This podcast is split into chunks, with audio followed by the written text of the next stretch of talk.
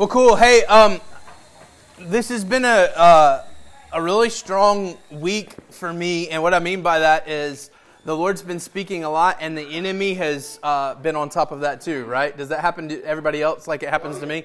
So, like God's revealing, God's speaking, God's encouraging, and in the exact same time, the enemy's lying, the enemy's playing with my insecurities. Right? Does that happen to anybody else? You're all just kind of smiling at me like, "Oh, you're weird." Um, I do. Sometimes I feel like Sunday mornings I'm like in the zoo. I'm like the tigers in the zoo. You can actually interact with me a little bit and like say something if you need to, right? Like those sad gorillas that just sit there and stare at everybody else because everybody else is staring at them, right? Um, no, hey, uh, I, have really just kind of been praying through. So in the, our Bible reading, hopefully you're doing our um, ongoing reading. Man, y'all, we're like getting close to the last third of the year. That's kind of mind blowing a little bit. Um, but it's so like so much to process because we're in Proverbs, right? And and every proverb could be thought on for like two weeks, and we're like reading a ton of them um, all back to back. And then we're reading Acts, and over the past few days, we've been reading Stephen and his kind of statements back to the people that are about to kill him. And then this morning, um, we read through him him dying, and there's a lot the Lord's been doing in my heart. Um, and it's fun because Anne, um, I asked Anne to teach. Well, many of you guys have asked for Anne to teach at some point in time. Um, she's a lot better teacher than I am. Um, and what's fun is I, I just hear from the Lord and I write my stuff down. She does it very different than I do. Um, she said to me when I told her a couple weeks ago, I was like, hey, look ahead and just kind of figure out what you want to do within five days of kind of the Bible reading is kind of what Jason and I've been kind of doing a little bit. And of course, if the Spirit does something different, we talked about frogs last week, right? But like, there's this concept of, hey, pray through it and see what God's saying. And so she, like, maybe two weeks ago or the week before, she's like, hey, or the week after that, she's like, hey, I think I'm supposed to talk about Ananias and Sapphira. And I said, okay, go for it.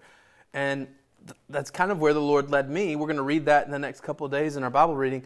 Y'all, I don't have any concept of what she's teaching this. I know, I know it's theologically okay, right? but I have no concept of what she's teaching today, and I just know for a fact because it's the Holy Spirit that we're probably going to teach very similar concepts. Mm-hmm. And I think there's probably something to that. When the Spirit of God does that, the Spirit of God does that with Jason and I too. Of like, hey, I'm going to be teaching this in Germantown. Yeah, man, we're going to be discussing this. And it's like we talked about the exact same thing. And that's just the Spirit of God aligning us together. So if you have your Bibles, turn to Acts 4. Acts 4 and 5. We actually read this. I said that we're going to read it. We read this a couple weeks ago. but Acts 4 and 5. So I need you to understand what's going on. We're going to be at the end of Acts 4 and into uh, the beginning of Acts 5. Um, okay, so uh, who was at my old house the very first gathering? Y'all were there? Were y'all there? I don't think y'all were there. I don't think y'all came to the old house. We came to the old house once. Yeah, it was just one. I think we just met one time, right? So y'all, y'all were there. Okay, okay so then uh, you probably weren't. You were working. I'm just thinking I give you a hard time. yeah, yeah. Um, so, but from that moment when we originally first gathered at Selah, Memphis, to this moment now, and this sounds really negative, it doesn't mean to be negative. The newness of it has worn off a little bit, right? Like the honeymoon phase has kind of gone away, and now we're in the process of loving one another, seeing what God has, you know, all that type of stuff. Um, imagine that, but the very first church, right? Imagine the encouragement aspect of the very first church. So, we're in Acts 4, Acts 2 and 3 is the birth of the church, right? The, the very first, Jesus says, Upon this rock I will build my church to Peter, and the gates of hell will not prevail against it. Peter has this sermon, and 3,000 people come to Jesus, and they're like, okay, now what do we do? And they step into being the church for the very first time. So when you think of Acts, think, I've told you before, at the Council of Trent, where they were coming through and understanding how we're going to put all these scriptures together they, they said, should we call it acts or the acts of joy?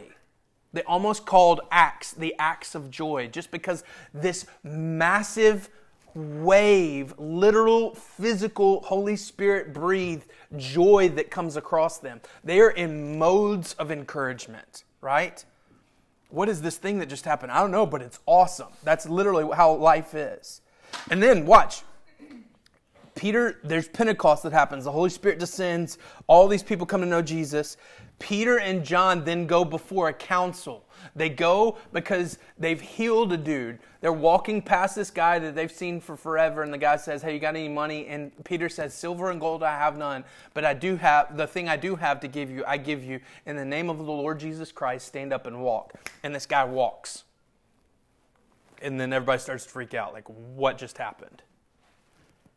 Then they call a council trying to figure out what's going on with Peter. And scripture says that they're like, uh, we're going to beat them, we're going to imprison them. And Peter, and they respond and say, we did this in Jesus' name. And the Bible says one of the most famous verses when talking about us, and I love it, if we could put it on us, the Bible says that this council perceived that they were uneducated men and that they had been with Jesus. Uneducated men, but they, we had been with Jesus. That, and the like dude is like that just learned how to walk. The Bible says it's he's propped up against Peter. How did you do this? Well, we didn't really do it. Jesus did it, and they perceive, yeah, they're idiots. But Jesus must have done this, and they let him go. Think about it. This is the kingdom come that they've been praying for. They thought they were going to be throwing over the government, but yet instead the government in this moment is confirming Jesus did this and he's dead. We know he's alive, but in their concept, he's dead. Watch. The church is winning in lots of different places. And then we get to Acts 4, verse 32. Let me read it to you. I'm just going to read the first three verses. Now, the full member of those who believed were of one heart and soul. No one said that any of these things belonged to him was his own, but they had everything in common. And the great power of the apostles were giving their testimony to the resurrection of the Lord Jesus, and great grace was upon them and there was not a needy person among them, for as many were owners of land or houses, sold them and brought the proceeds of what was sold and laid it at the apostles' feet, and it was distributed to the each that had any need. Think of this for a moment. The Lord's sending massive encouragement. You're going to do these miracles. People are going to be healed. And in this first wave here, you're going to go free. Have you ever had, let, me ask it this way What's the biggest compliment you've ever gotten? Think about it. If you're a half glass empty person, you're going, oh, I really have never gotten a compliment before, right? You're Eeyore, right? But no, legitimately, I think one of the biggest of, of in the last few months, the biggest compliment that I've ever received. Hey, is it Tina that helps us on, or she does Nutbush? It's Tina, right? That's out there. She came to Thornton's pool. Is that Tina? Angie. Angie. I'm sorry, I don't know why I call her Tina. Oh, yeah. So Angie, we go to Thornton's pool. I was telling Jason about this the other day. I've, we've been doing Nutbush and hanging out with Angie on Wednesday nights and stuff. We go to Thornton's pool, and she leans over to Tim or somebody while I'm teaching at Thornton's pool and says, Hey, he's a good speaker. He should do this more often. He should be a pastor. And they're like, He is a pastor. Oh, where does he pastor? This is our church. and she didn't have the concept. And so she came and told me this, and she's like, I'm so sorry. And I was like, No, that is such a great compliment in my mind that we all look the same, right? That we all look the same. I love that concept and we just each are using our gifts in appropriate manners. When you think about somebody giving you a compliment, maybe it's your dad, and even if you didn't have a healthy father figure, you can imagine what a good compliment would be from that person. Watch. When God encourages us, our needs fade away. Yes. When God gives us an encouragement, our needs fade away.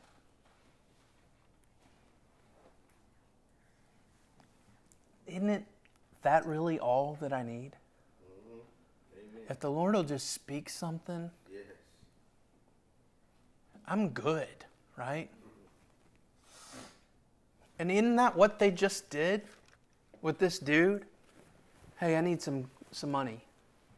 And like, we don't have anything, but the one thing that you probably do need, we'll give you. It's the one thing that we do have. In the name of the Lord Jesus Christ, stand up and walk.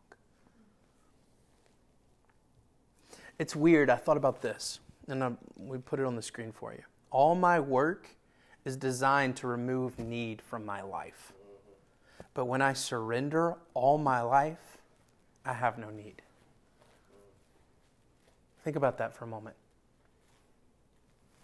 This dude works a ton of hours. I mean, we all work a ton of hours, but I know these two guys, they kill it, right? Like, they're killing it. Think about the amount of work that we put so that we can support our families, so that we can make sure that we don't have need, right? And in a spiritual concept, and it even plays out in the physical, we're going to talk about that in a minute, but in a spiritual concept, if I surrender all my work ethic, all the things that I do, all the good list resume, when I surrender all that, what does God do? He makes sure that I don't have any need. But Scripture says this No one said of anything that they belong, that they owned, uh, belonged to them, because they had everything in common. And the great power of apostles, uh, giving their testimony of the resurrection of the Lord Jesus Christ, and great grace upon all. There was not a needy person among them. For as many were landowners, they gave of their land, but look at the end of verse 35. So, verse 34, there was not a needy person among them. But then, and laid it at the apostles' feet, and it was distributed to each and any that had need. You know the difference. I know the difference. It's hard to explain the difference. We all have needs, but are we a needy person? You see the difference? There are actual needs, right? If we turned on a gas stove in here, in about 15 minutes, we'd all be asleep, right? Because we have a need for clean, purified air. When there's not clean, purified air, I, I struggle. Watch. But I'm not a needy person. I didn't come in and say, Hannah, do you have all your gas turned off? I didn't say that, right? Watch, there's a difference. And it's, it's a focus concept. Do I focus on my needs? If I focus on my needs, I become a needy person. Those of you who are married or who have been married, watch this. Marriage works best when I surrender my needs and focus on hers. Because she's surrendering her needs and focusing on mine. Watch, our needs get met. But there is a trust aspect and surrender aspect that has to take place. Want to destroy a marriage? Focus on your own needs and not the others. We have to surrender our needs. Not that we have to choke out the air, but the concept that I have a right to a need. Watch. How do we do that? Verse 32 and 33, inside what we just read, gives us an understanding of how to do that. Verse 32 says this Now the full number of those who believed were of one heart and soul. No one had anything that they claimed as their own, is basically what Scripture is saying. And everything, but they had everything in common. Verse 33 And with the great power of the uh, apostles, were giving their testimony to the resurrection of the Lord Jesus, and a great grace was upon all of them. I can surrender my needs by giving away my life. I surrender my needs by giving away my life. Watch this. What does it mean when we all have one heart, all things in common? If we have all things in common, there's not all sorts of opinions. We have crushed our own opinions in order to testify of the resurrection of the Lord. That's what they're unified under. You see it? Watch this. When our perspective shifts to his kingdom, our opinions melt away. When our perspective shifts to what is God doing, Jesus' resurrection, I don't tell my testimony, 45 minutes of all the sin that I got to play with for 15 years, and then three minutes of what Jesus did. I start by saying, Let me tell you what Jesus has done in my life. You see the difference? A needy person focuses in on the things in their life versus speaking constantly about King Jesus. Amen. Come on. Watch this. When I seek to find commonality with another human, it is based on preferences and opinions. But when my life is hidden in Jesus, his kingdom is the only thing every human has in common. I love when, so getting to do life intimately with one another is really healthy. There are aspects where we start to go, oh, that's weird. So Ann and I went over and had dinner with the Carlsons uh, Friday night, and um, I don't know how we got to talking about smoking cigars. and Johan was telling me about cigars, and I told him a couple of the different kind of cigars. If my mom's listening, she's going to call me on this one. But um, uh, smoking cigars or whatever. And I, I, told him a couple of different cigars they like to smoke, and Maureen goes, "You smoke cigars?" Like, Ooh. And I was like, "Yeah, okay. What's the difference?" And I could tell it was the pastoral concept of like, "Wait, a pastor smoking cigars is that okay?" And she's like doing the rolodex of like, "Is is, is this okay in Scripture? Can we do this?" Like she's processing those things but there is a commonality. We were just talking about this. Amy and I were just talking about this. If we come under opinion about how Scripture is perceived, we turn into a legalistic society. But if we come under the banner of Jesus' resurrection, that's not opinion, that's common for every human on the planet. Now, there's a difference of opinion under that, right? I don't believe Jesus really did raise. Well, at some point in time, every knee is going to bow, every tongue's going to confess, right? So there is something in common with every of the 8 billion people on the planet that we have.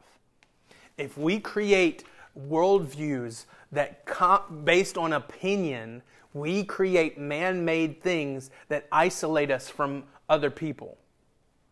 But if we speak to commonality as the church, love and the kingdom of God, and those two really can't be separated, they're one and the same, then all of a sudden, every human being can run up and touch those things. We have not isolated those things. It's not for white, southern, conservative people to, that go to church on Sunday mornings. I have a very different gospel than that. I used to do this when I was in seminary. I was in, I was taking like this missions class, and they were talking about percentages of the world that had come to know Jesus. And, and when we think of heaven, when you close your eyes and think of heaven, you know, when they do world census and stuff like that, and they've counted, and they, like, every few years come out with the face of the typical person on the planet, and it usually looks in some form of an Asian descent, okay? When you close your eyes and think of heaven, are you thinking of heaven in that context? Watch. In heaven, it won't look like this. If you just did percentages, I forget what it is. It's like India to China is half of the world's population lives in that space. Of that half, we know somewhere in the neighborhood of 30% claim Christianity. That half, that 30%, would outrank the rest of the world. Heaven's going to look a lot different than we anticipate and think. So if it's going to look that different, let's pray heaven here on earth concepts. And let's start seeing the kingdom of God in those realms. Because watch, if I have opinion and we try to come under a banner of opinion, y'all, that's the reason why it's hard to nail me to the wall of like, hey, are you doing house church for the rest of your life? I don't know. That's opinion. That's that's concept. And Tim loves it every time I say it. He says amen. Watch, he's going to say it as soon as I say it. Selah Memphis is a Jesus church. Amen. Right? Right? I was talking, I had some people, some Southern Baptist friends ask me to breakfast this past week, and they wanted to pick my brain about what we're doing because we're doing something different than a lot of people are doing in the city of Memphis as far as church planting. And they're like, well, have you affiliated with anybody? And that's opinion. And I said, it sounds like a cop out, but in reality, it's who we are. We are a Jesus church. Because if we get anything under that, we've isolated, we've eliminated, and we've pushed away. Watch. I have to surrender my opinion. You ready for this? If there's still needs in your life, give more away. Surrender more. I double dog, triple dog dare you, right? God gives life and meets the needs of those who surrender their lives and their needs. It doesn't make sense. We don't understand it. Lord, my hand's empty. And he says, Well, what about the other hand? Give that one away first. Let's keep reading, verse 36. So there's this generic thing, and then all of a sudden something specific happens in verse 36.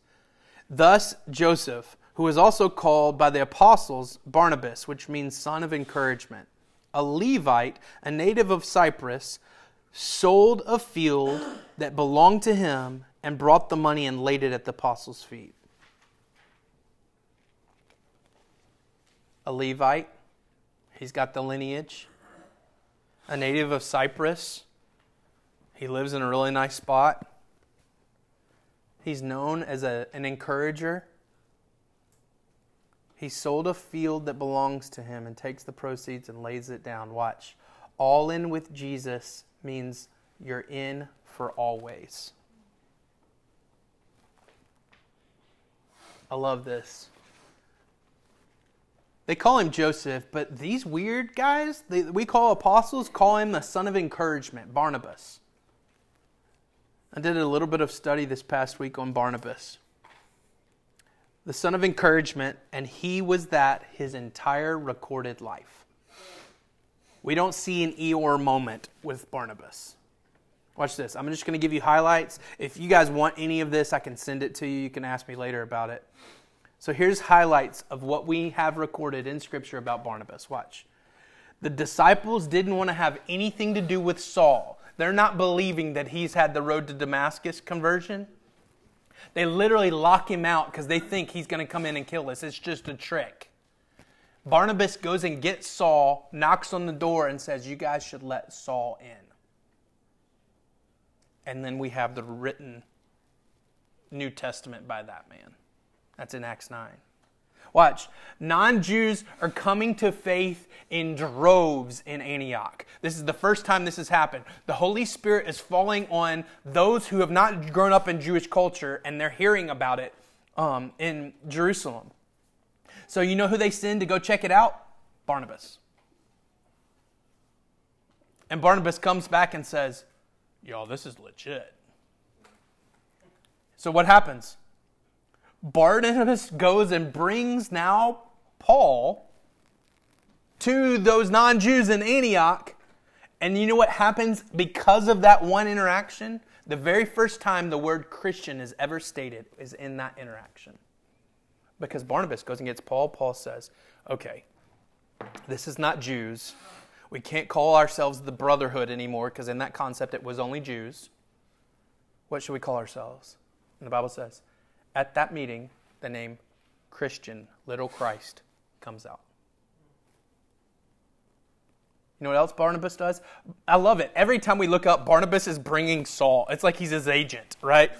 Barnabas brings Saul to the non Jews, but watch, a famine, a prophetic word comes out in a church gathering that a famine's going to come. And so Barnabas gets word to the rest of the church hey, this thing's happened. And it's going to happen in Judah. This famine's going to happen. So Barnabas rallies the church to provide food when this famine's going to take place. And you know what he gets to do? He takes the food to them. Have you ever gotten to deliver something like that? Be the one to give the gift on behalf of a whole bunch of people? It's fun. Watch this. The rest of his life, we've got two or three other interactions he spends 14 more years encouraging both Jew and non Jew in the faith. How did it all start? I just read it to you. A simple act of surrender. Hey, I've got this field. You know what? I'm going to go sell this field and give you guys the money and that act of surrender ignites what we call ourselves. The gospel getting lit across Asia, ultimately, what happens. Paul being included into the brotherhood. That simple act of surrender, listen to this. My simple act of surrender to the Lord can shift things in the lives of millions of people. I say it to you as plainly and as impassioned as I could. If I could go around and look at each person in the eye, I even thought about doing that, but I know that intimidates some people. I, I have to have you surrender. You have to surrender everything. And then when I say that, what do you say back to me? Ryan, I have to have you surrender. You have to surrender everything. Listen to me, church. For us to consider what the gospel would do, for us to consider what Jesus would do in the lives of millions, starts with our simple acts of surrender. What happens when we don't? I'm glad you asked. We start in chapter 5, verse 1. But a man Okay, let's stop there. Let's understand what just happened. Barnabas, his simple act of surrender, and Paul, or whoever's writing Acts, probably Peter, says, But a man, you with me? He's juxtaposing this person against Barnabas. But a man named Ananias, with his wife Sapphira, sold a piece of property. They did the same thing. He's, he's, he's literally telling the same story. And with his wife's knowledge, he kept back for himself some of the proceeds and brought only part of it and laid it at the apostles' feet. But Peter said to Ananias, Why has Satan filled your heart to lie to the Holy Spirit and keep back for yourself part of the proceeds of the land? Have you thought about like what people thought of Peter after this? Like, he knows everything, right? right? He knows my stuff. While it remained unsold, did it not remain your own? And after it was sold, was it not at your disposal? Why is it that you have contrived this deed in your heart? You have not lied to man but God. When Ananias heard the words, he fell down and breathed his last. And great fear came upon all those who heard it. Man, I'm reading that, and great fear comes on me. The young men rose, wrapped him up, and carried him out and buried him. After an interval of three hours, his wife came in, not knowing what had happened. And Peter said to me, Tell me whether you sold this land for so much. And she said, Yes, for so much. But Peter said to her, How is it that you have agreed together to test the Spirit of the Lord? Behold, the feet of those who have buried your husband are at the door, and they will carry you out. Immediately she fell down and breathed her last. When the young men came in, they found her dead. They carried out, her out and buried her outside with her husband. And great fear had come upon the whole church and upon all who heard these things. Watch this. Not being all in is death to everything. If I'm not all in, it's like being a little bit shot. Never been shot by a gun, but I would not define it as, oh, I'm just kind of shot. You're either shot or you're not. And listen to me, family. I've been shot with Jesus. and I'm all in And if I'm not all in, if there's just a little bit of death in me, think about that. There can't be. It doesn't play that way.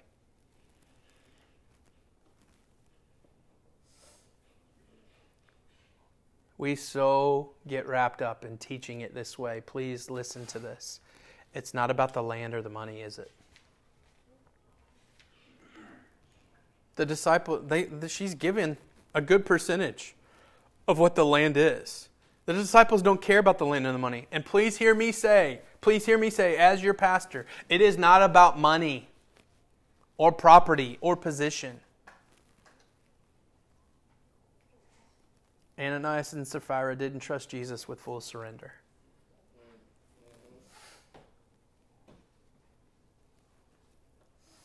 We won't see God break out unless we're all in full surrender. Do this for me. Don't do this. But next time you get pulled over by a police officer, stand up, come out of the car, and leave one hand behind your back. It won't play. Right? It won't go. Watch, watch. For the King of Kings, not just a police officer, but the King of Kings. I find myself in surrender sometimes, and it's like this where I'm holding on to that one thing. Lord, I'll give you everything. Well, no, you didn't. That's exactly what happened with Ananias and Sapphira. It's so easy for us to see them as someone that we are not because it sounds like they manipulated money for the church. And of course, none of us would do that. But in reality, God's just seeking the full heart. And he, if we're not giving Him the full heart, what are we giving Him? It's really nothing. Let's be the people who are common, our commonality is full surrender with Jesus. Full surrender. And watch, this is how this plays. When we do that, none have need. when I give everything away, not everything comes back to me, but none have need. And don't, don't get it twisted. Lots of people get it twisted. I'll go give away my 2009 Ford F 150 and get the 2019 GMC 1500 that's got the new tailgate that I really want, right? That's how we think. We think if I give away this, then I'll get better. And it's not that. That's not how it plays. The giving away concept is though he slay me, I will trust him. Though he might not save us from the fire, Shadrach, Meshach, and Abednego, he's still God. Did Job get slayed by God? No. Did Shadrach, Meshach, and Abednego get saved by him from the fire? Yes. God still took care of them and they did not have need, but they didn't roll out in that nice GMC. It's not a profit concept, it is a surrender and a completely content and satisfied thing. I don't know if y'all spend money like I do, and I'll end on this. I usually have two or three things. We're, we're pretty good with budget. And Anne's laughing at me in my head right now. Um, but we're pretty good. I'll, I'll, have two or three things. I, I, we joke. I have the, it's great and it's the worst thing in the world. I, my birthday's in December. Christmas is in December. I get gifts in one month, right? Amanda knows what, what's up, right? You get gifts in one month, and sometimes people are just like, well, this one gift will do for both things. And so growing up, I've just always had this I got to have a good wish list. If I have a good wish list, then I'll get everything taken care of. Amanda, you know what's up. Yeah. so uh, I usually am like, like if I've got purchases and stuff that I, I, something that I desire, I'm saving up for it and I'll get it. Here's what always happens with me. Uh, I got something that's like 60 bucks that I want. I get 70. And I'm like, hmm, you know what? Can I figure out how to get the other thing? Because I'm never satisfied with where I'm at. There's this thing inside of me that says, oh, I, I've gotten a little bit more. Maybe I can even make it more. And the Lord gives to me, and then sometimes, y'all, I exploit it. Whose land is this? I love that we're talking about Jews sacrificing land when we back up about 30 books and God's the one that's given them the promised land. It was God's in the first place. When I understand from His perspective that He desires surrender, I surrender everything as fast as I can because then in that I get Him. Real transparent. In August, you, eh, you probably have learned this, y'all are smart people. Go look at how churches operate in August. They'll have some new initiative, some big th- promotion that they're doing. It's, it's what we do because everybody's getting back into a routine. And if we sh- hang the shiny carrot in front of people, that brings momentum. Y'all, I feel it in me to say, okay, here's a new initiative for Selah Memphis. And every time the Lord says, Am I not enough? Amen. So I'm not going to hang that any shiny carrot in front of you. Let's be enough. Let, let, let the Lord be enough. Let the Lord full surrender be enough. Y'all, we should keep ministering, and I'm praying for bigger things in Nutbush, of course. I'm praying that God establishes a third house. We're praying in that manner. Those are all shiny carrots that I'd love to come and say, here's the plan, this is what we're doing. But man, no, the thing that I'm hanging in front of you is the King of Kings and Lord of Lords, and He is enough. And full surrender can be trusted. Yes, yes. Let's pray.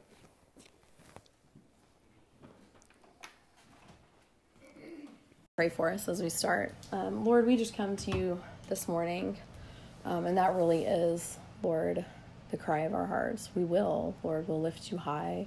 We want to glorify you. We're, um, Lord, make us devoted um, in ways, um, even where we feel like we are devoted, Lord. Would you, even as um, we dive into your word this morning, Lord, would you tenderly and patiently and lovingly, like a father disciplines his son, show us where we may not be devoted, Lord, and show us the beauty of living a life that's fully yours, Lord. Um, I just pray that you meet with us this morning, Lord, and that you speak and that your spirit reveals truth, Lord. We we have nothing. We are nothing. We we have nothing even to bring but ourselves, Lord, and so we do.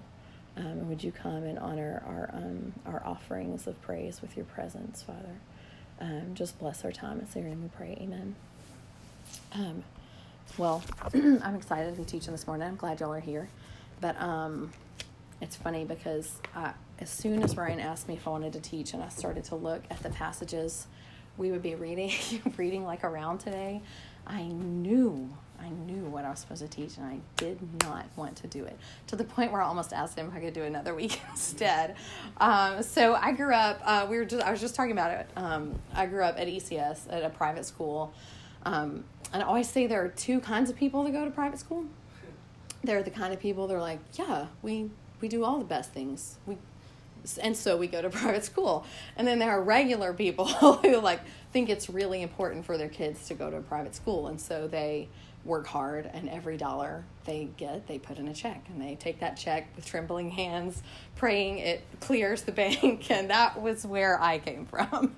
Um, like literally you know like oh gosh it's the first of the month. We have to pay tuition. You know like that was a, a very real uh, the a real world. And i was i was not the only one like that but i was definitely in the majority and so i just grew up uh, really aware that there were people that had a bunch of stuff that I didn't have.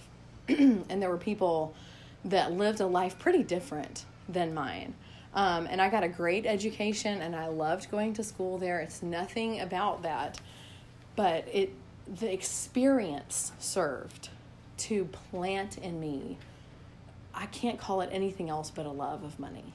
Um, I I would I remember several times where I would dream at night that I went shopping and I bought clothes and shoes and I would wake up the next morning and cry because it was not real and I had to wear, you know, my hand me down clothes and was saddled shoes.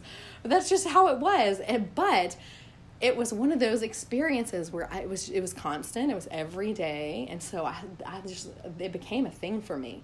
Where every day I spent some time thinking about looking at the shoes under the desks around me, like those Birkenstocks, man. If I could just get my hands on a pair, you know, my life would be complete if I just had a pair of Birkenstocks.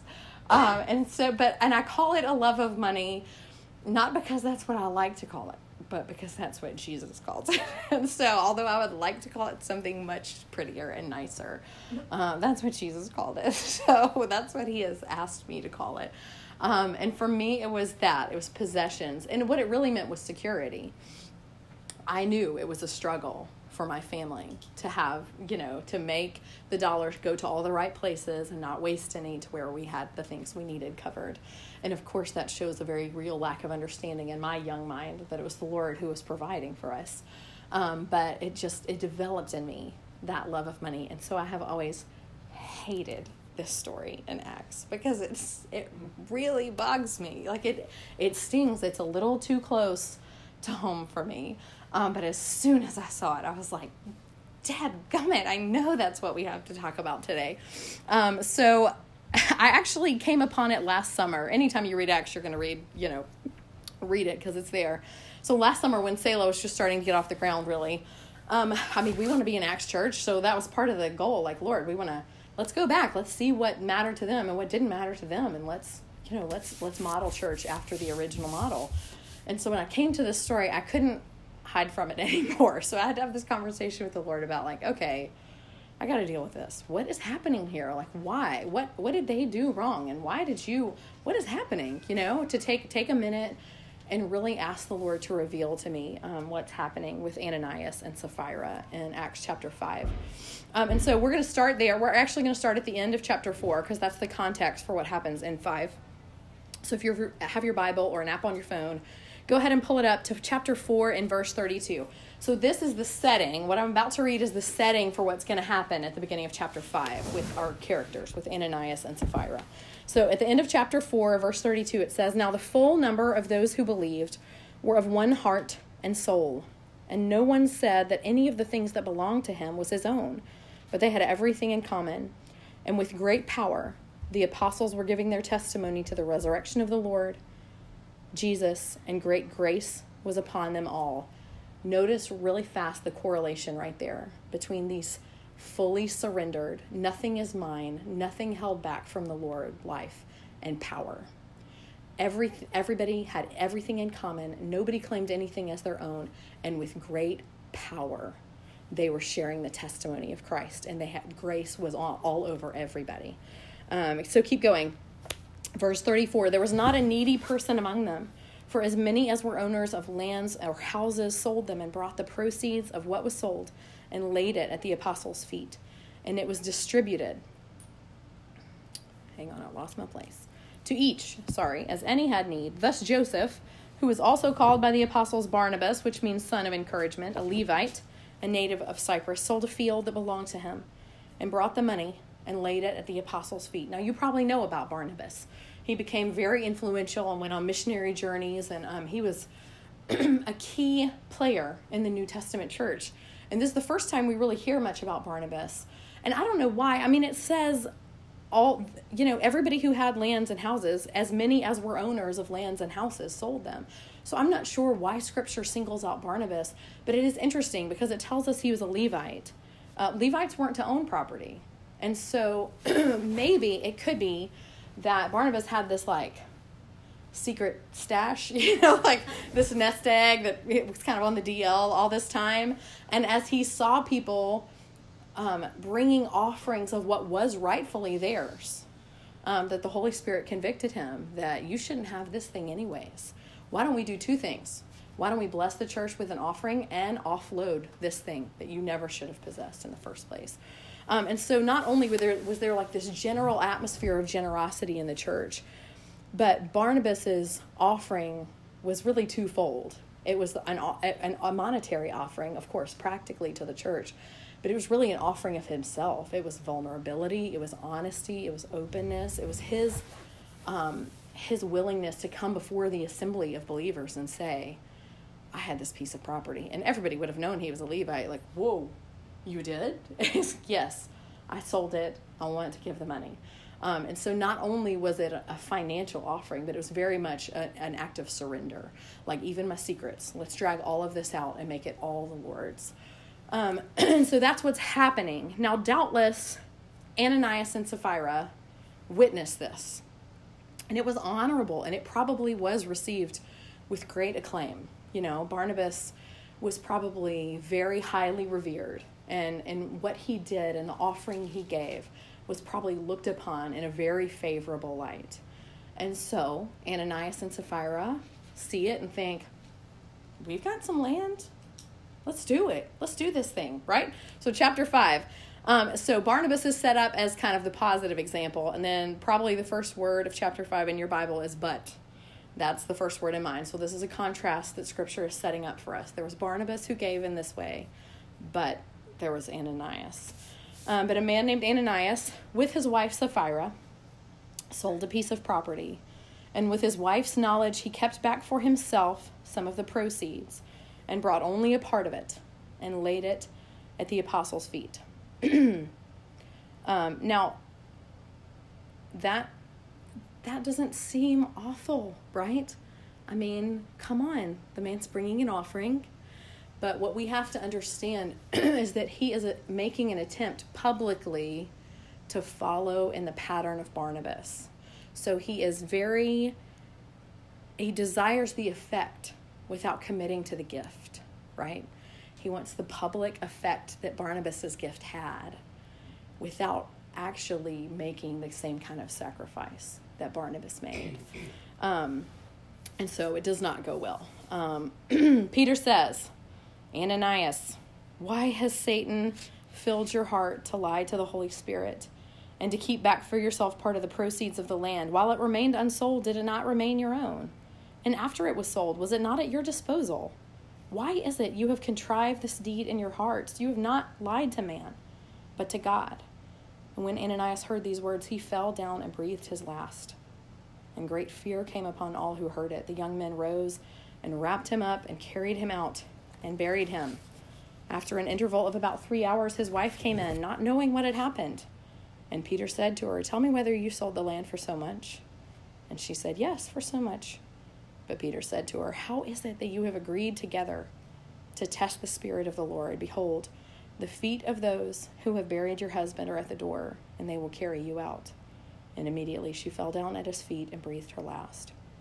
When the young men came in, they found her dead, and they carried her out and buried her beside her husband, and great fear came upon the whole church and all who heard these things. No kidding. really? That's not surprising, is it? Um, so as as we try to process what's happening here, um, the question really is what what what happened with Ananias and Sapphira that so offended the Lord that he had to put an immediate stop to. Um, and at, like there are so many things they could be thinking. Um, and as I just processed, I mean, there are practical concerns. Like maybe they had kids, you know, maybe they felt like they should have a little nest egg for their kids. Maybe they didn't had a, maybe they had a son who wasn't doing so well. You know, I, we don't know. Um, I think it's likely that watching what happened with Barnabas and being in the presence of the Lord and the presence of other believers, they were moved to a gift that once they distanced themselves from that community of believers in the presence of the Lord started to seem a little silly, right? We saw this happen. We had a dear friend who got himself into marital disaster years ago, um, and we saw this pattern with him is that he would he would get around believers and get under the counsel of godly men and spend time with the Lord and be broken. And he would call his wife and say, I've made my choice. I'm going to do whatever it takes to make this right. And the next morning, he'd be like, I still, I still need to think about it. And that's what happens is we, when we're in the presence of God, He affects our hearts in an appropriate way. But when we put a little distance, the enemy is so quick to come in and say, hey, now, that was silly what you did last night. You got all caught up in the emotion, everybody else was doing it. that's not what you actually want to do, you know? Uh, and he's so quick with that. It's like the maturity card. He comes in and is like, hey, yeah, actual grown up people don't act this way. He, he, like, he comes in so cool and so mature. Um, and he's really just trying to counteract what the Holy Spirit moved in our hearts. Um, also, I wonder if they weren't sure about the church is a baby church, right? We all get that. We all get a, a baby church. I wonder if they just like wanted to wait and see if this thing's gonna work out, you know? And two, everybody else was being crazy generous and meeting everyone's needs. So if they put their whole money in the pot, then they'd be in that pot of needing everybody else to meet their needs. And what if everybody else started changing their minds? Then they'd be high and dry, right? They we we gave all we had and now you people are changing your minds, you know? I mean, there are so many reasons logically for them to hold back part of the gift. Um, I think I think part of this is the crux of what's happening is that we um, when we are in the presence of God, we are walking intimately with God and with His people, especially too. We know that He, His kingdom, is the real reality, right? And everything out here is light and shadows, right? It's stories, it's play acting, it's shifting sands. But when we get a little distance between our heart and the Lord's heart, and between our heart and His people, this really feels more real and this starts to feel a little fairy tale um, and that's one of the enemy's trickiest schemes. He's a master deceiver to make things look like what they are not. Um, but I think when it really comes down to it, there are several different things here that were happening with Ananias and Sapphira. The first thing is um, Matthew Henry calls it infidelity reigning in their hearts.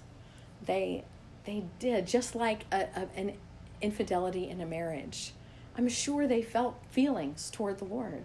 I'm sure they felt feelings toward toward their Jesus, the Christ. That's huge, for especially for a Jewish person at that moment to come to the realization that Messiah had come and had died and had provided this kingdom that they had always been waiting for. But there's this other part of their hearts that is not dedicated to loving him. And it's just what Jesus talked about in Matthew 6 when he talks about you can't love God and money. I think it's interesting. I was thinking about it this morning. Jesus wasn't really into can'ts, right? Jesus did impossible stuff all the time. And he's the one who said that nothing would be impossible with God. But in Matthew 6, he says you cannot love God and money. It's not a possibility because you'll love one and hate the other. And hate just means like be have an aversion to like you're going to want to get up close to one, you're going to like want to keep a little distance from the other one. And you'll serve one and not the other. And I know it to be true, y'all. I know it. I cannot tell you how many times the Lord has so patiently and kindly just come up and tapped me on the shoulder and said, If you wonder why you don't feel loving towards me, it's because you're loving this instead and you cannot have it both ways, baby. He tells me all the time. It's so funny. Y'all know our story. In the in the season that we went with not getting a paycheck, I, I it was not a thing. I have I have struggled more with worry and stress about money on this side, on the biweekly de- auto, de- direct deposit into our account side of things. It's bizarre. I can't attach affection to it. I can't. I can't do that if I intend to live a life of love toward the Lord. And that's really the, the second part is that our Father is a good Father and He does not like to see His children cheated. So think about um, for those of you who have kids, your kids or, or nephews, like somebody somebody small you care about, right? If you found out there was somebody at school pushing them down and stealing their oatmeal cream pie or whatever out of their lunchbox, taking their lunch money, taking their favorite pens or their smelly markers. I can tell you how fast I'd get in that minivan. I, I know it's a caricature, but it's actually my life. I would drive it, get in my minivan and drive up to that elementary school. No way. No way am I going to allow that to happen. And it wasn't, it was really happening in two ways. The first way is Ananias and Sapphira were cheating themselves out of the beauty of making this full difficult offering to the Lord and watching Him miraculously provide every need. that is such y'all. I'm t- I I just talked about it. It's such the season of our life where where seasons really where we have been most desperate and the Lord has been perfectly faithful like he always is. There's such a beauty about him. We always talk about it. The hard seasons the Lord sees us through. We would never take a big eraser and take that part out of our story. There's a beauty in it. There's this this dependence we learn. We don't just learn to depend, we learn we can depend on him in ways we never imagined we could. And so Ananias and Sapphira were robbing themselves of that. They were trying to be their own protector. And the Lord was like, Y'all, really? Is that is that what you think you need? Because I I actually know what you need. Um, so they were trying to they were in essence trying to be their own gods. They wanted to make their own choice so they could take care of themselves and have their responsibilities taken care of and they were cheating themselves out of the life the Lord intended for them to have. Um, and they were definitely cheating the church, but not just monetarily. I mean, they were doing that. They were very literally holding back money that they were pretending to give to the church. But what they were really doing was they were stealing from themselves from the community, right? I mean, they were going to come and make this show and make this offering, then go home and be like, woo. You know, they weren't engaging in the community in any honest way. They were coming and play acting and then going home and hoping nobody found out until they went the next time and they would participate again and then like squeeze out the back door and keep a little distance so nobody found out. They were cheating the church of themselves, the community of them, of their honest presence in it. Um, it's just funny because the Lord is so serious about this. And I, I do, y'all. With my human understanding, I get it. It seems like a very serious penalty for what to me seems like a common struggle to give everything. But um, the third thing is really the biggest, and it's what Peter points out. Look back at the verses. Um, he says, So Ananias brings this offering and lays it at the apostles' feet, and then the Holy Spirit illuminates this to Peter. He could not have known this. He has not been matlocking or I mean he, he hasn't been like searching around for clues to figure out what's really happening. He he sees Ananias come and the Holy Spirit says, Nope, nope, this is not what's happening. This is not all the money. He's lying. Uh, the Lord illuminates it to Peter. And look what Peter says Ananias, why has Satan filled your heart to lie to the Holy Spirit? And then again in verse 4, he says, You have not lied to man, but to God. it's funny how we think we can do that, how we can think we can fool every like how we have secrets. You know, we forget that the Lord sees everything. And he's not horrified or offended by it. He just he's he wants us to be truthful about what's happening. He's not afraid of it. And so this attempt to to almost fool the Lord into thinking they were bringing a full gift. Um, and Peter says, Peter calls out the absurdity of it. He says in verse 4 While it remained unsold, did it not remain your own? And after it was sold, was it not at your disposal? Like, nobody asked you to do this. Nobody said everyone is required to go sell one parcel of land and bring all of the proceeds here to my feet. That was that did not happen. This was a voluntary, involuntary thing. They wanted to participate in the excitement of what was going on with everybody without really taking a risk probably in their minds with and still be like wise you know like be wise with their with their money. Um, and that they were literally attempting to fool everyone including the lord. Um, george macdonald said half of the misery in the world comes from trying to look instead of trying to be what one is not. Like that is exhausting isn't it? Not trying to like put on the face and act the right way and be the person we think people want us to be um, and this this was really real hypocrisy right the actual act of trying to trying to like trick people into thinking you're something you're not um, hypocrisy is not when you and i fail in following christ perfectly that is called sanctification, right? That is just being a Christ follower because we're still here on this earth in these bodies with this nature that wars against our spirit. And we will never do it perfectly. That's not hypocrisy. Hypocrisy is pretending like we are when we're not. Um, and that's what's happening with Ananias and Sapphira. Obviously, the Lord has strong feelings about hypocr- real hypocrisy in the church. The, the problem was they wanted to put on a show of devotion to win the applause of men. It's no good, y'all. we do it. Paul said in Galatians, if I'm still trying to please men, I'm not a servant of Christ. Like, we can't, it's another impossibility. I can't be living for the applause of men and still be serving the cause of Christ. It's not a possibility. Um, I think the really beautiful thing in this chapter, though, is that this is not the only story in this chapter. Um, Ananias and Sapphira acted out of real hypocrisy. Um, but the Lord was not done with the church, right? Um, he made it very clear very early on in the life of the church how he feels about play acting among his people. But then watch what happens.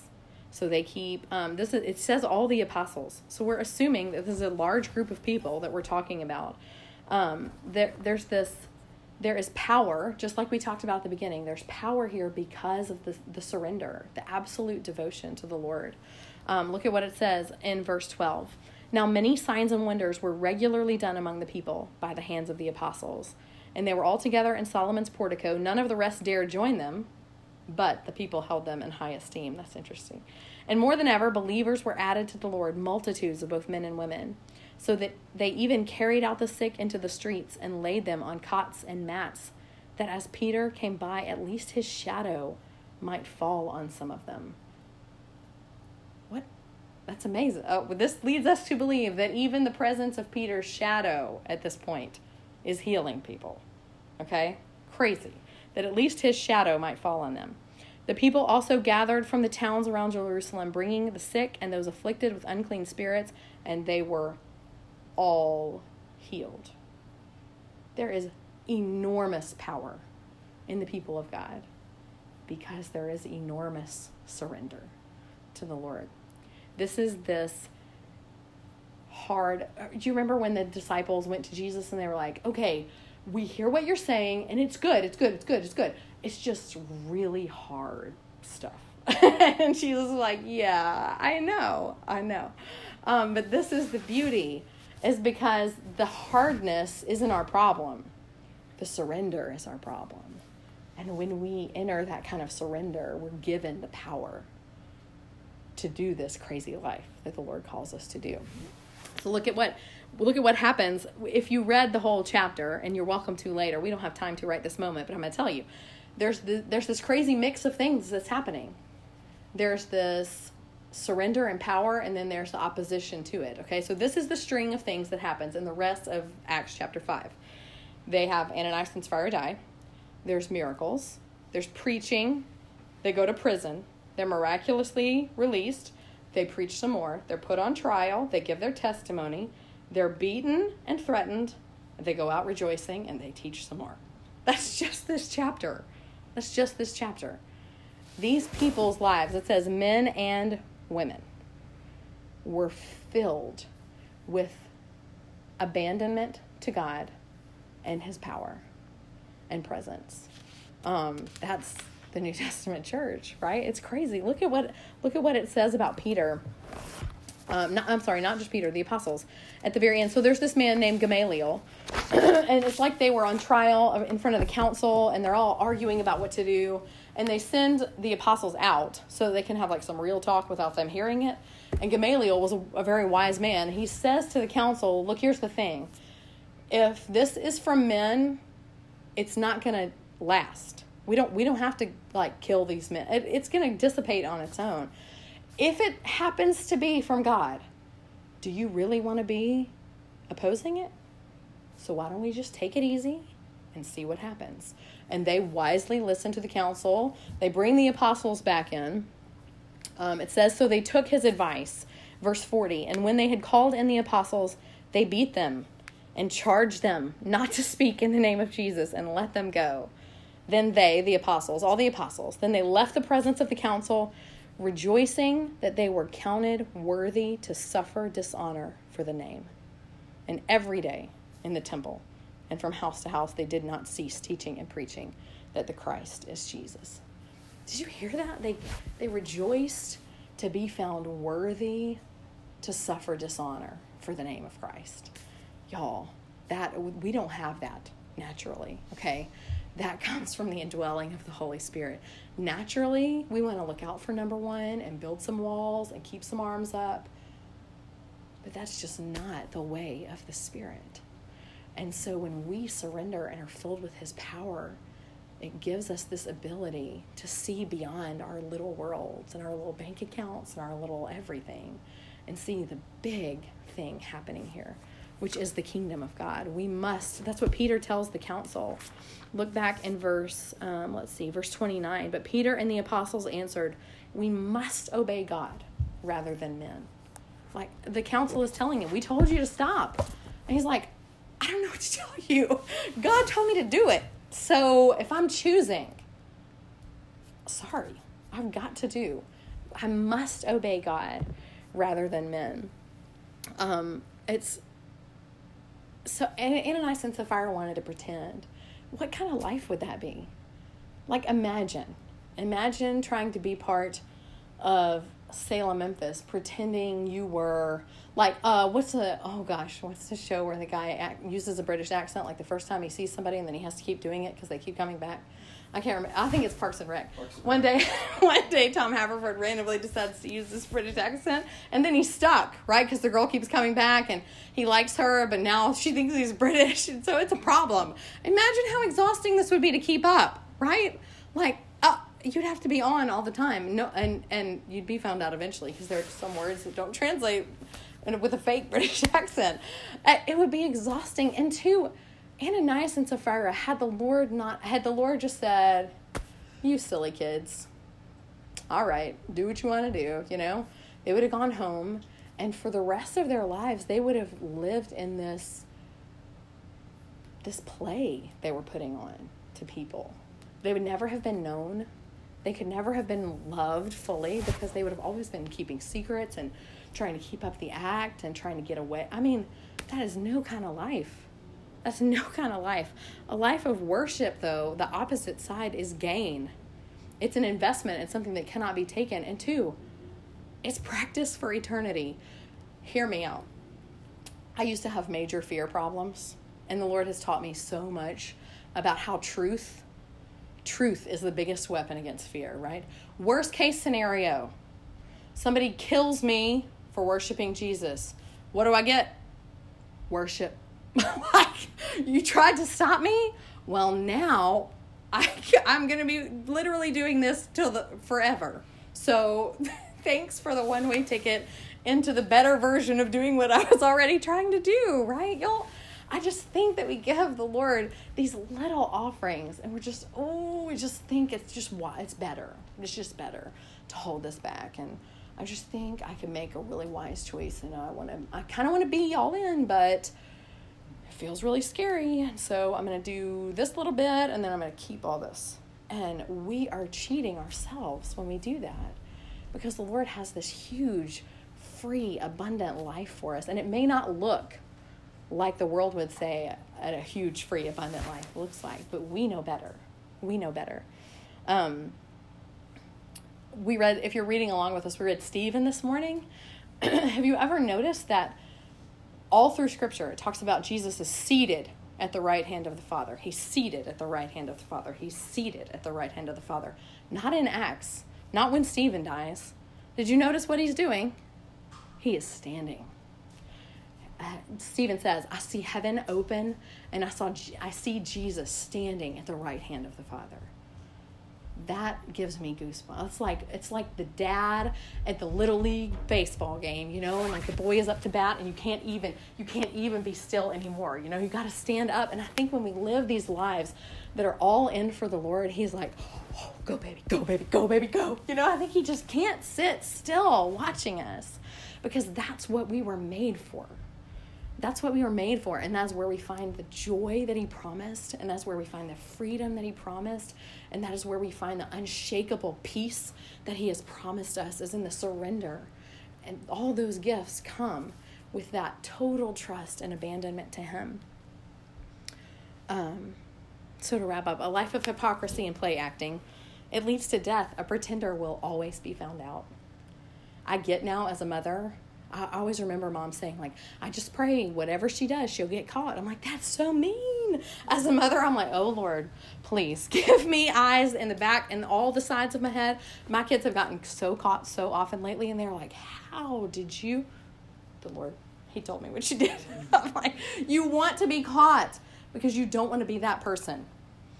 A pretender is going to be found out, it's going to happen. But a life of devotion and surrender leads to like real, vital life. No pretending, no death, real life. And a worshiper can't be stopped. Stephen, those stones sent him straight from worship to bigger worship. I mean, what? It, is, it was a, a relocation that Stephen received. Um, and not only that, but his death was this huge catalyst for the early church. And it like Stephen's death changed the world. You know, sent the church scattering with joy and taking the message of the kingdom of God around the world to us eventually. it's amazing.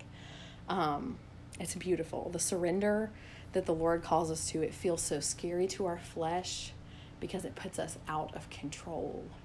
But how many times am I good at being in control? He is he is so much better if I would give him control and take all the gifts that he gives me in control's place.